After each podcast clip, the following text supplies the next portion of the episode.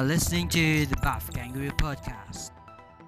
Oke kembali lagi sama gue di Buff Kangaroo Podcast bersama Raihan, Yo. Vio, Tot. Augie, Eh. sama guest gue ada nih Benjamin Amang. Saya Ya sayang. halo. Ramah gitu. Untuk yang ini kita record spesifik banget untuk kejadian-kejadian yang sekarang lagi ya di di tahun-tahun deket-deket inilah bersama guest kita Adri Kumara. Yo yo.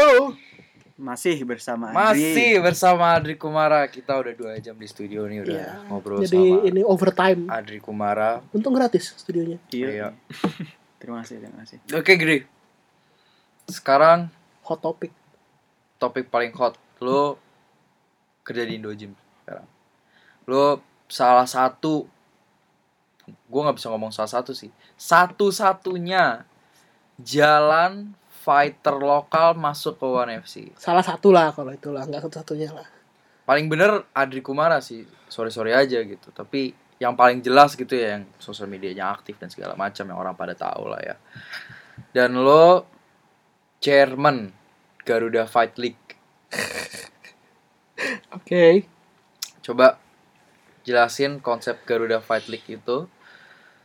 Gimana sih lo tiba-tiba dari BTF terus tiba-tiba bikin GFL? Yang udah denger podcast-podcast sebelumnya kan denger sih tentang mengenai IFC dan mengenai BTF dan lain-lain.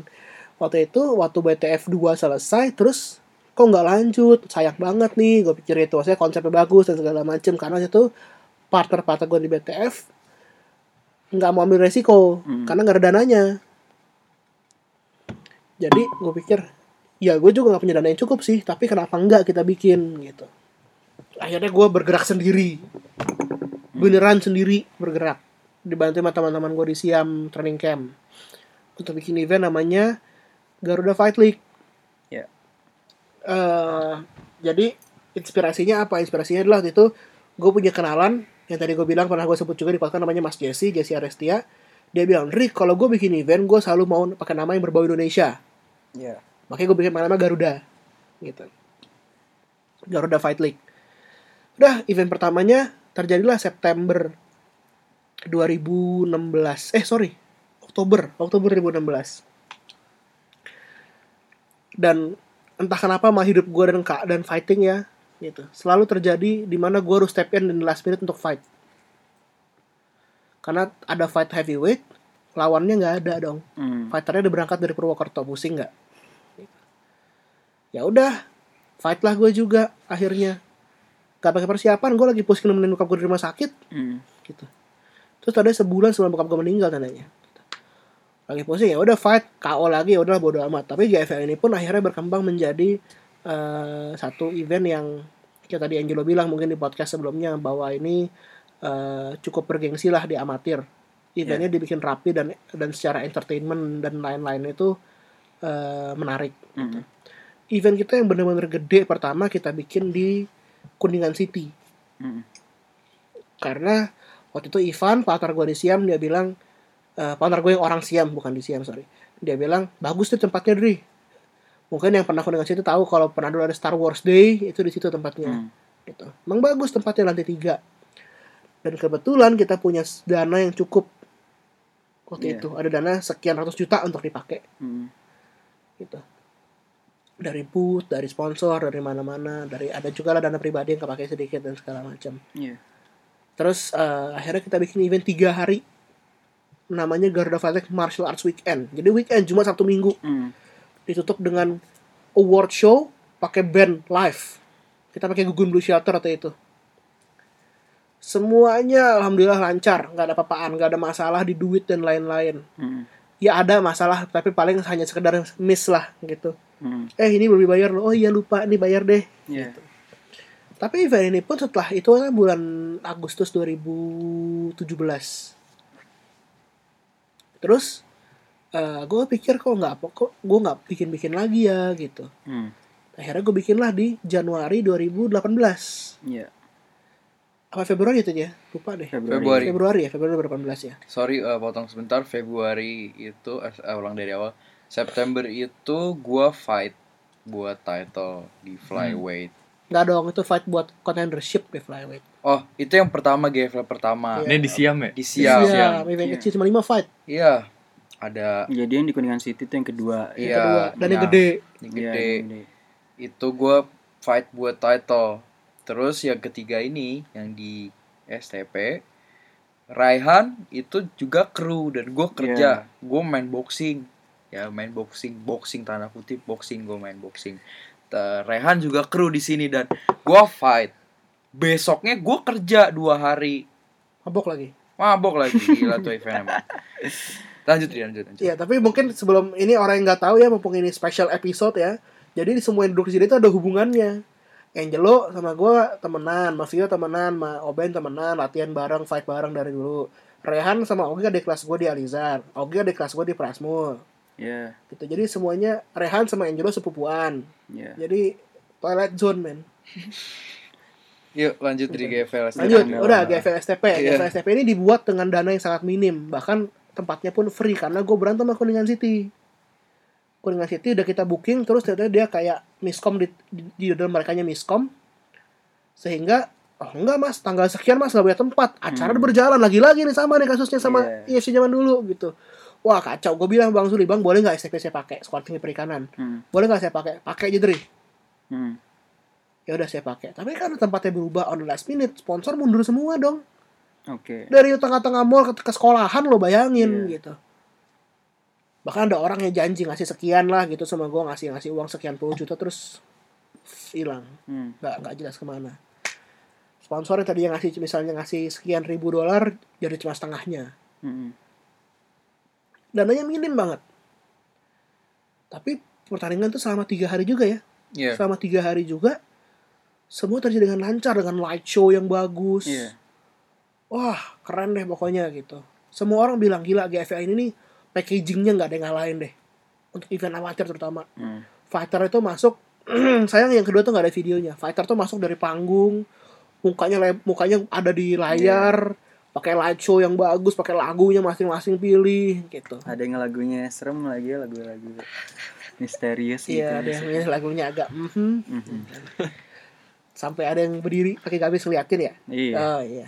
Gitu lah. terus ya sambil itu nggak sambil hormat ya Iya, untungnya sambil hormat. Bahaya. ya. Terus Ya, udah akhirnya karena gue bilang tadi dananya minim ya itu acara yang cukup menghancurkan apa ya bisa dibilang menghancurkan kredibilitas gue gitu ya gitu karena Iya. setelah acara itu berakhir banyak banget vendor yang nggak kebayar Hmm. tapi pada saat itu pun untuk meng, untuk mengcancel acara kan lebih gak akan lebih lebih ngerugiin lagi Iya. gitu karena kan orang daftar nih masuk nih orang daftar bayar. Uang bayarnya kita pakai dong buat bayar ini itu bayar ini itu. Terus ganti tempat sponsor mundur. Jadi nggak mungkin gue nggak punya gue nggak punya option untuk mengcancel acara tuh itu. Sehingga acara tetap berjalan dengan dana yang seminim minimnya ya pilihannya adalah abis itu vendor dibayarnya mundur. Gitu. Ya itu sempat jadi omongan lah panjang lah gitu. Tapi ya menurut gue orang itu mau maju kadang-kadang harus mundur dulu gitu. Hmm. harus mundur dulu itu ngomong kebanyakan kan jadi suka belibet. Harus mundur dulu one step forward two steps back gitu kan. Ya ya bagusnya setelah itu bisa semuanya bisa terbayar bisa bisa bangkit lagi. Ya emang sampai sekarang GFL belum ada lagi. Walaupun gue punya rencana untuk hidupin lagi dengan konsep beda. Tapi ya belum belum apa namanya belum kejadian lah tapi pasti akan kejadian lagi kok gue percaya bahwa semua semua hal ini bisa nantinya bisa semua berjalan dengan baik dan bersamaan amin amin amin. Kita kita juga sebagai kita yang sebagai gue sama Rehan yang lihat GFL kita pengen GFL juga maju juga Pastinya. pastinya. eh Oke terus kita eh mungkin kalau masalah One Championship sama Indo Gym itu orang udah mungkin udah tahu ya dan juga role lu sebenarnya orang udah tahu lu manajer lu manajer semua fighter yang ada di Indo Gym itu semua. Lu segala macam orang yang negosiasi dan segala macam yang ngebikin Indo Gym jadi tinggi. Bener nggak gua? Ya bisa dibilang. Bisa bilang gitu. Dan lu di One Championship jadi dari podcast podcast kita sebelumnya itu yang panjang-panjang itu. Yang panjang-panjang Iya. itu lu bisa dengerin. Eh lu udah dulu udah kenal sama di One Championship udah deket komunikasi lu bagus dan lu sekarang kenal sama Victor dan segala macam dan sekarang lu jalan udah menjadi opsi sebagai banyak orang jalan menuju One.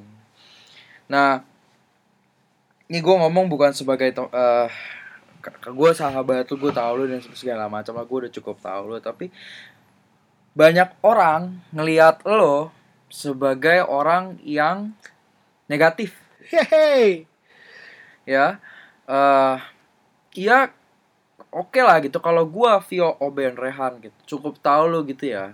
Eh lihat positif dan negatifnya kita udah biasa aja gitu. Tapi banyak orang terutama banyak orang yang di sosial media melihat lu sebagai orang yang yang itu itu aja sih orangnya. Iya, yang jelek gitu loh. Karena masalah-masalah GFL atau masalah-masalah event-event lain atau masalah-masalah lain yang mungkin gue juga nggak tahu juga tapi ya ngelihat lu tuh sebagai bad influence bagi banyak orang. Kayak orang tuh udah oh jangan jangan bisnis sama Adri atau jangan ini jangan itu jangan itu. Eh mungkin juga juga kayak waktu masalah GFL gitu. GFL juga rapih gitu loh tapi mungkin coba kita dengar dari tanggapan tanggapan Rehan tentang lu lihat GFL kemarin STP yang orang-orang juga pada ngebahas tuh gimana? Iya, gua pribadi sih sebenarnya dari awal kenapa gua mau daftar GFL karena emang gue lagi gabut aja kan libur. Terus ditawarin kan sama Angelo Mau daftarnya nggak? sebagai kru lo by the way bukan fighter ya. Iya Jangan sebagai kru. Ngerti. Sebagai kru kru kru kru. gue gue nggak bisa fight soalnya. Terus ditawarin mau nggak? Gue kayak oh ya mau dong gitu kan emang gue gabut gitu.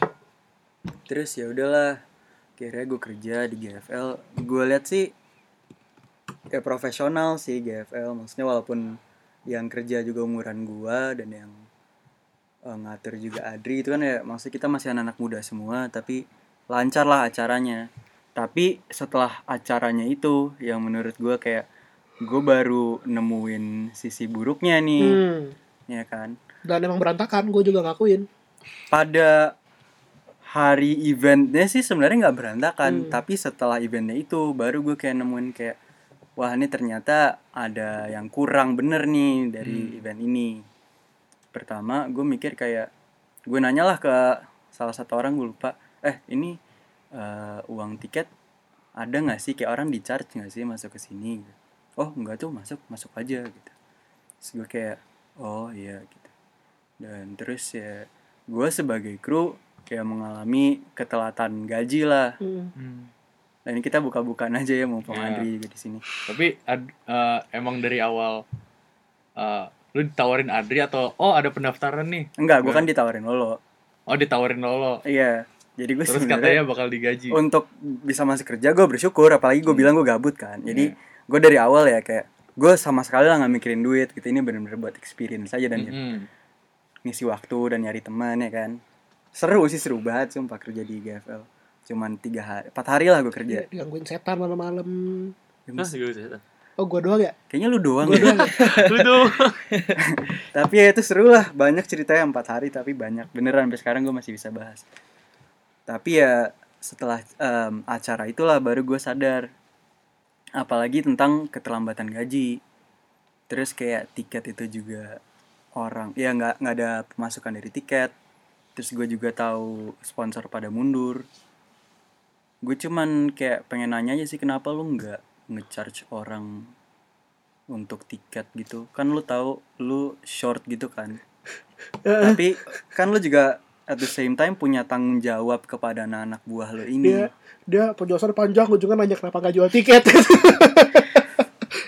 Karena waktu itu kalau di Jakarta tadi gue juga baru tahu hanya di Jakarta di luar di luar kota nggak terjadi.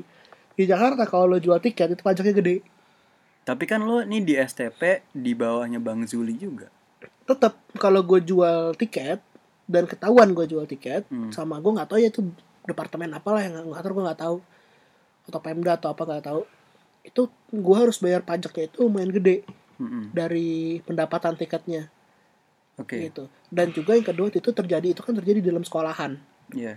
sehingga nggak mungkin kita mem- membedakan penonton dari luar dan anak sekolahan Mm. Gimana cara bedanya susah jadi akan jadi serba ribet kalau waktu itu kita jual tiket waktu kalau kita masih di Hmm. kuningan city jadi kuningan city bikinnya kita udah rencana jual tiket Oke. karena kita, pertama kita tahu bahwa kita kan punya uang untuk bayar pajak dan lain dan Hmm. lain-lain yang kedua kita kita bisa bedain siapa yang datang siapa yang sebagai kru siapa yang sebagai penonton dari sini penonton dari supporter kita bisa bedain yang ketiga juga emang acaranya jadi acara yang tertutup dan harus bayar masuk Iya. gitu tapi saat kita pindah ke STP banyak hal yang harus kita rubah secara drastis Hmm. gitu termasuk kayak tadinya ada booth makanan Hmm. yang mau sponsor kita berupa konsumsi Iya. nggak bisa mereka nggak mau bikin jualan di STP sehingga kita harus beli makanan dari kantin Iya, gue inget. jadi gitu jadi banyak banget hal-hal yang berubahnya tuh itu dalam hitungan berapa hari loh harus berubahnya seminggu kalau nggak salah Hmm. jadi perubahan tempat itu itu hanya terjadi dalam waktu dalam waktu kurang dari seminggu Jadi sebenarnya masalah yang cukup paling berpengaruh tuh ganti venue. ganti venue. Makanya waktu itu gue sampai di kuliah situ tuh gue sampai marah-marah sampai ngebrak meja sampai apa segala macem. Hmm. waktu itu gue sama Dinda gitu. Itu karena karena ya itu gue tahu begitu kita pindah nih. Ini rusak nih semua Hmm. gitu. Tapi juga gue nggak tega untuk cancel. Karena orang udah Hmm. bayar daftar itu juga udah kepake untuk Oh, ada bayar vendor. yang kedua udah ada orang-orang yang dari Medan udah terba udah beli tiket ke sini dari Solo beli tiket ke sini. Hmm.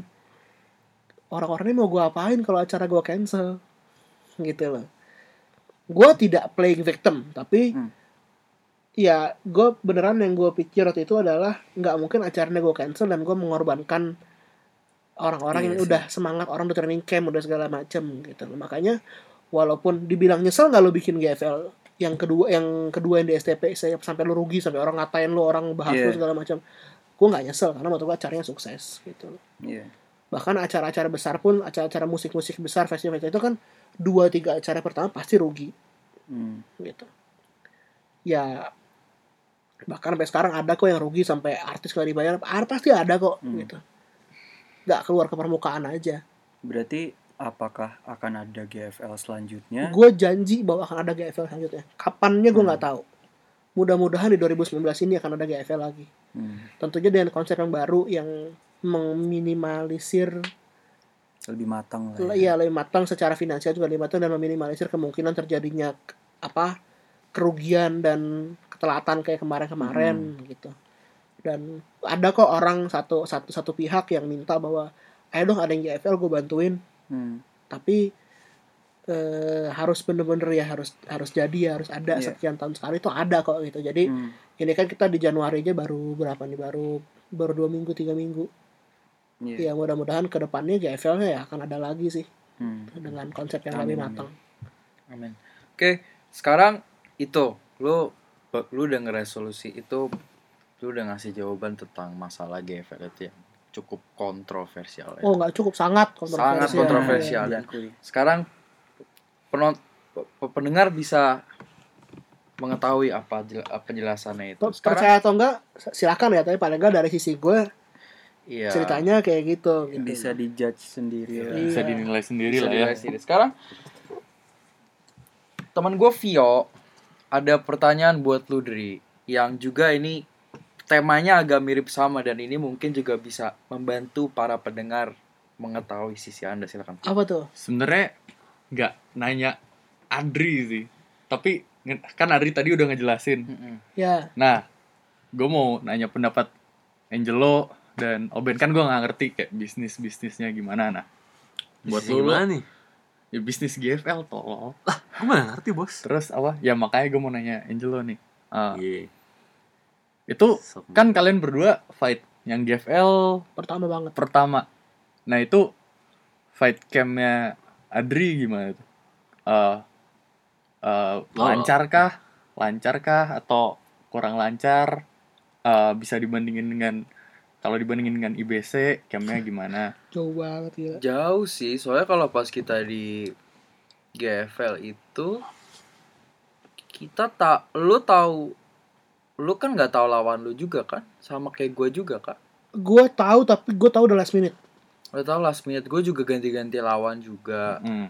Tapi pada saat itu gue main tuh kelas 60 Ya. Dan gue ada rasa Gue ada fire gitu loh Untuk fight Gue harus Mm-mm. menang gitu Walaupun acaranya cece gitu ya Gue pengen gue harus Iya. menang Karena gue kalah kemarin Ya. Gue pengen gue menang gitu Gue train gila-gilaan deh di Hmm. situ Gue sampai apa latihan strength conditioning sampai gue latihan bener tiap hari itu gitu kita kita Hmm. udah di Siam tuh Vio udah nggak ada Oben juga udah lagi sibuk ke mana gue latihan di Siam sama sama anak-anak Siam Heeh. itu yang nge-push gue itu bener-bener gue nge-push diri lu sendiri nah nggak tahu sih itu karena gue terlalu fokus sama diri gue sendiri sih Hmm.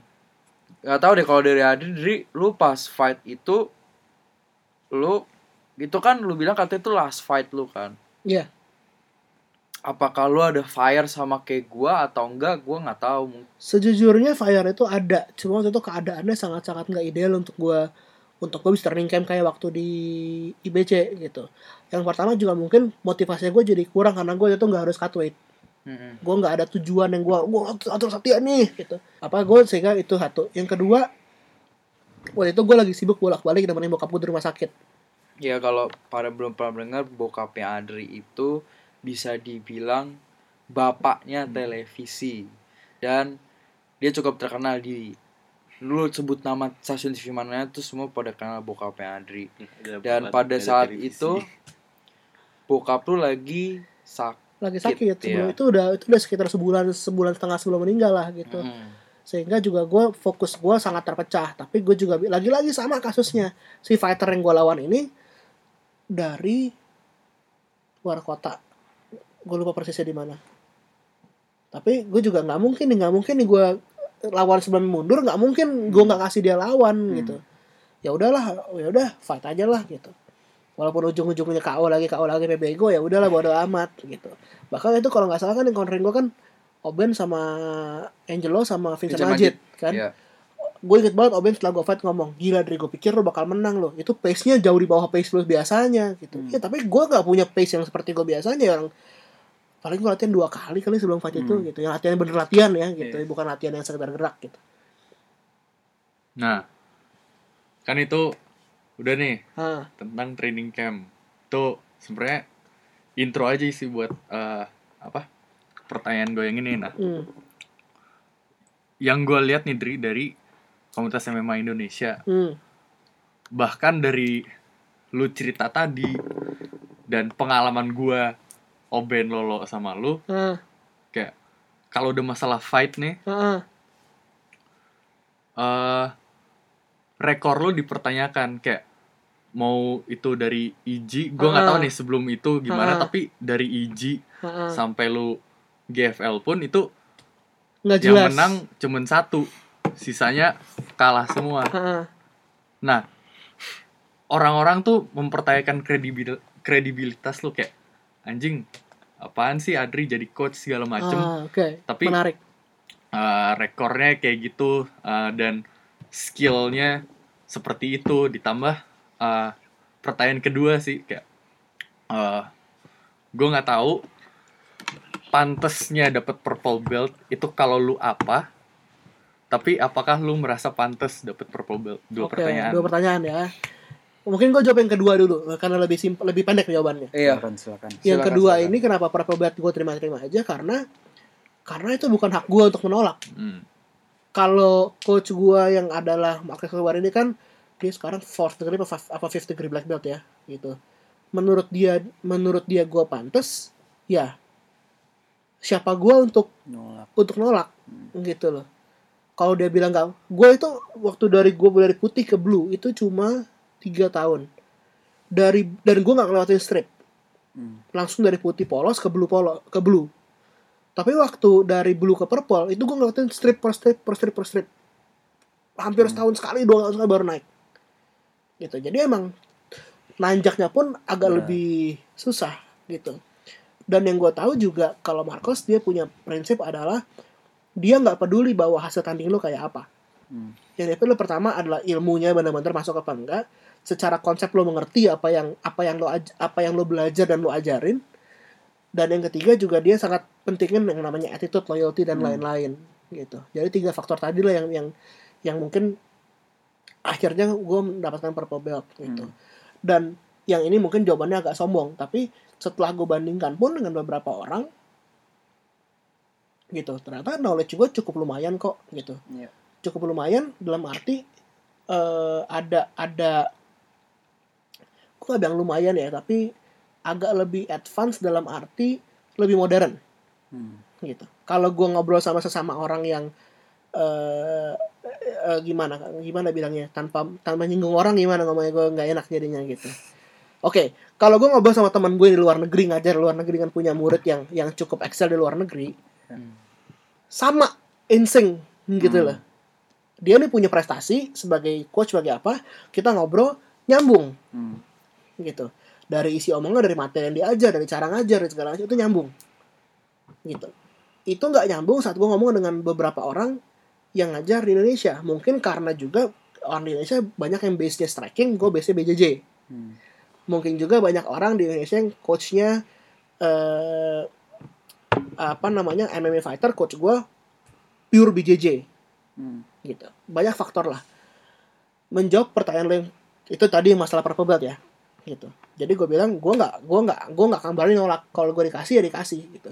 Tapi gue nggak akan juga campaign oh gue harus naik naik sabuk. Nggak nggak gitu. Adalah kadang-kadang bercanda nyindirnya ada cuma bukan yang berarti gue kayak ada dulu satu orang nih di tim gue nggak naik sabuk terus ngambek. Ada gitu. Hmm. gue nggak nggak yang begitu gitu. By the way di studio mukanya nggak ada yang enak begitu gue ngomong gitu kan soalnya tahu ke mana arahnya. gitu. Jawab pertanyaan yang pertama tadi Vio. Ya, yang pertama, yang pertama juga sebenarnya mirip jawaban sama yang kedua gitu. Eh, maksudnya jadi kebalik ya dua, dua sama satunya. Pertama kali jadi kebalik ya. Pertanyaan satu lagi jadi mirip pertanyaan, jadi mirip jawabannya.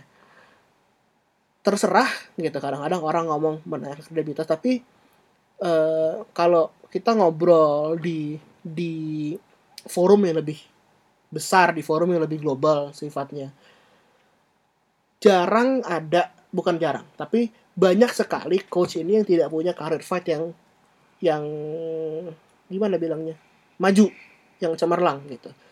Bukan berarti fighter bagus nggak bisa jadi coach bagus atau coach bagus bisa jadi fighter bagus nggak berarti nggak bukan bukan bukan nggak saklek kayak gitu gitu. Cuma orang menjadi coach itu menurut gua paling nggak bisa gue bisa salah tapi yang diperlukan kadang-kadang bukan cuma skill sebagai technical skill tapi juga yang namanya komunikasi namanya dia bisa ngelihat Ya. apa secara strategi dia bisa ngelihat gelagat orang dia bisa ngelihat gelagat orang bukan hanya di bukan hanya di dalam ring tapi juga di luar di luar pertandingan Hmm. gitu dan apa dia bisa mendekati orang dengan secara secara psikologis gitu Em, dan itu yang kadang-kadang orang lupa gue itu ngobrol sama sama sama Ferdi. Ferdi ini pendirinya Indobarian. Hmm.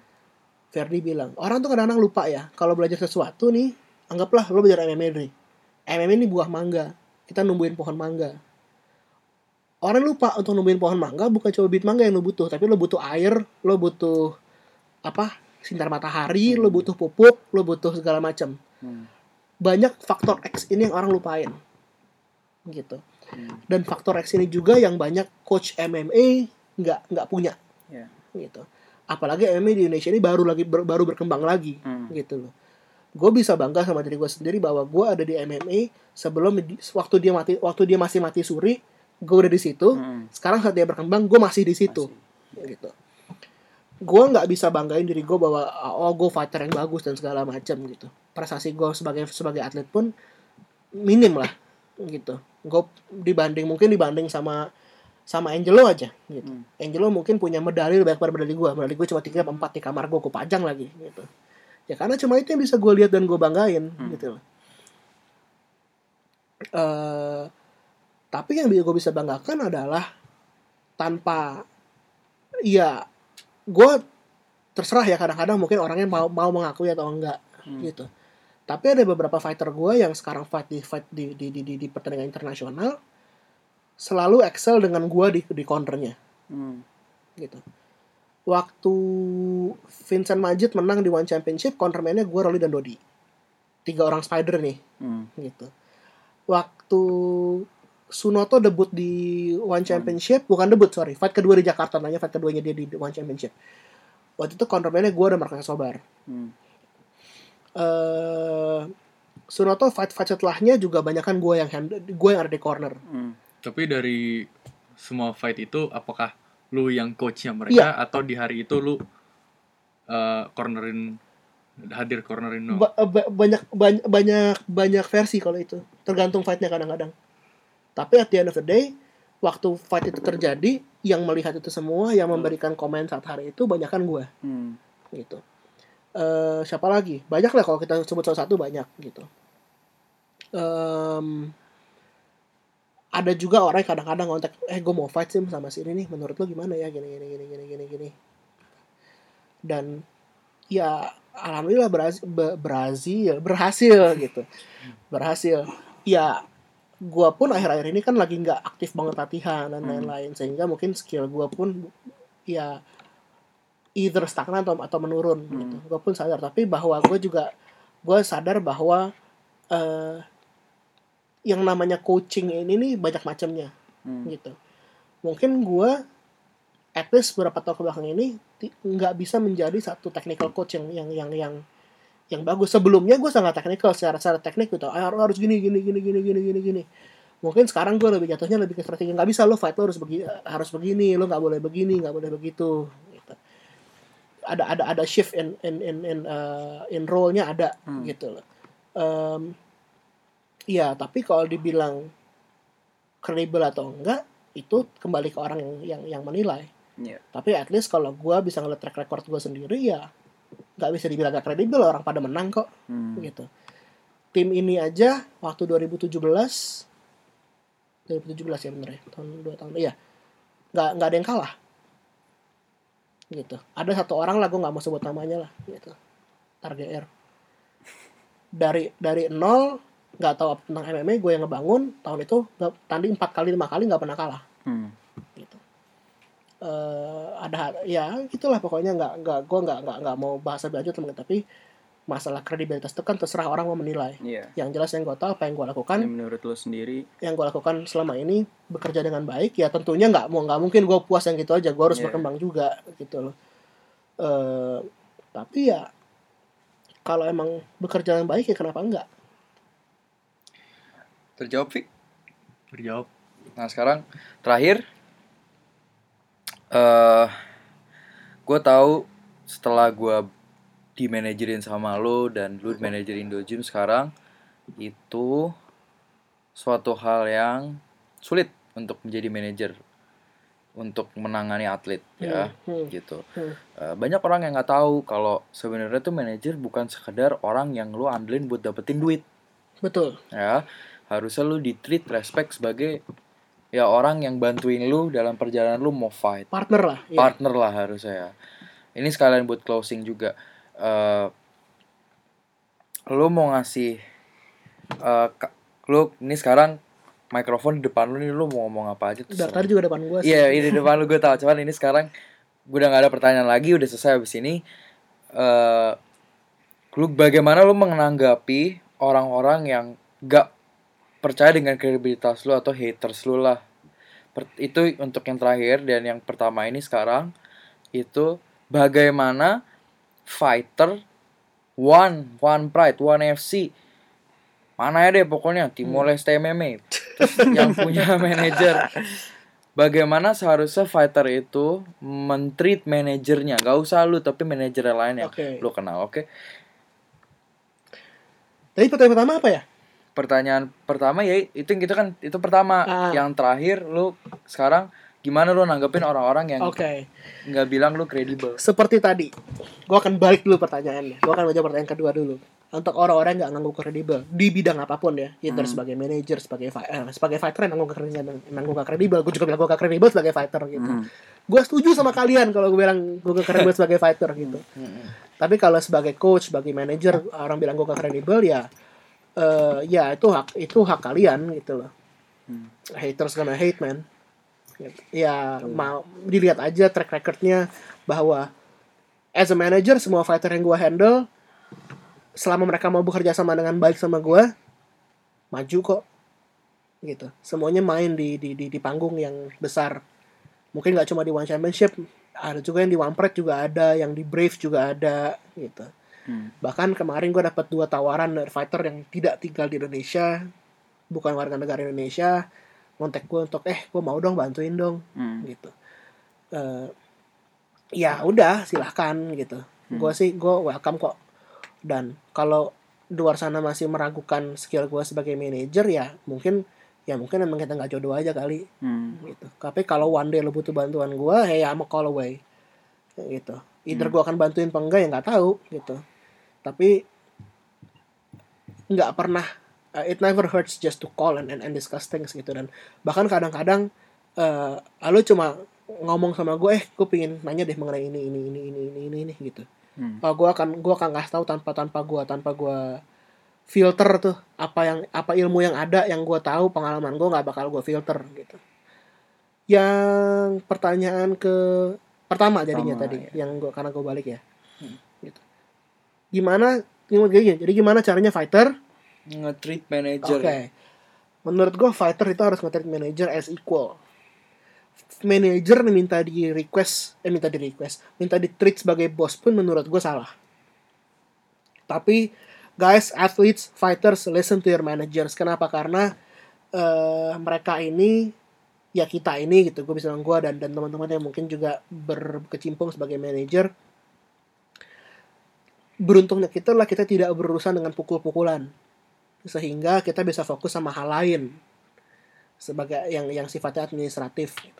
Nah di situlah gue bisa bisa bilang bahwa diskusikanlah apa-apa, jangan jangan eh, jangan jadikan manajer kalian itu sebagai seorang eh, yang hanya tugasnya nyariin duit aja. Nggak itu juga gitu loh. Kadang-kadang ada hal-hal lain yang sifatnya mungkin eh, bukan untuk cari duit. Mungkin manajer kalian bilang oke lo harus pergi medical harus cek medis gini gini gini gini gini Hmm. gini. Mungkin tuh ganggu schedule kalian atau apa. Tapi ya ya udah kerjain aja dulu. Toh pasti ujung-ujungnya itu buat kebaikan kok gitu. Ya banyak kok tapi banyak walaupun juga memang banyak contoh manajer yang pada akhirnya merugikan fighter ya. Yang terkenal mungkin ada Don King gitu. Iya. tapi ya kalian juga juga apa timbang-timbangannya sendiri kok gitu. Semua itu asal kalau dibicarakan dikomunikasikan dikomunikasikan dengan baik pasti ujung-ujungnya bisa bisa bisa apa bisa bagus kalau ujung-ujungnya gitu by the way ini hal ini lagi ya ini gak ada yang tahu hal ini lagi gue tuangin akan mudah-mudahan lancar tahun ini kayaknya gue akan nulis buku lagi mengenai manajemen atlet kayaknya lagi disiapin Good luck, good luck. Tuh. Good luck, good luck. Jadi sekian untuk pertanyaan hari ini kita beneran tutup dari kita bikin tadi. Bisa ada tiga podcast ya. Tapi sebenarnya kalau dipikir-pikir Tamu luar biasa tamu emang. luar biasa emang nih orang. Tapi kalau kita bisa pikir-pikir yang menarik itu podcastnya tuh yang sekarang ini karena ini cukup informatif, cukup to the point dan semua pertanyaan Dan bahas orang yang recent lah Iya bahas-bahas orang-orang sekarang. Jadi thank you banget Dri udah datang ke podcast perdana kita kasih Kangaroo. Thank you buat. Oben, Vio, Augi, Sama-sama. Rehan. Akhirnya kita bisa bikin podcast ini rame-rame. Sampai jumpa di tempat selanjutnya kalau udah diundang lagi. Itu kode sebenarnya. siap, siap, siap. Jadi sampai ketemu di podcast berikutnya. See you, good day mate. Kita dari Buff Kangaroo signing out.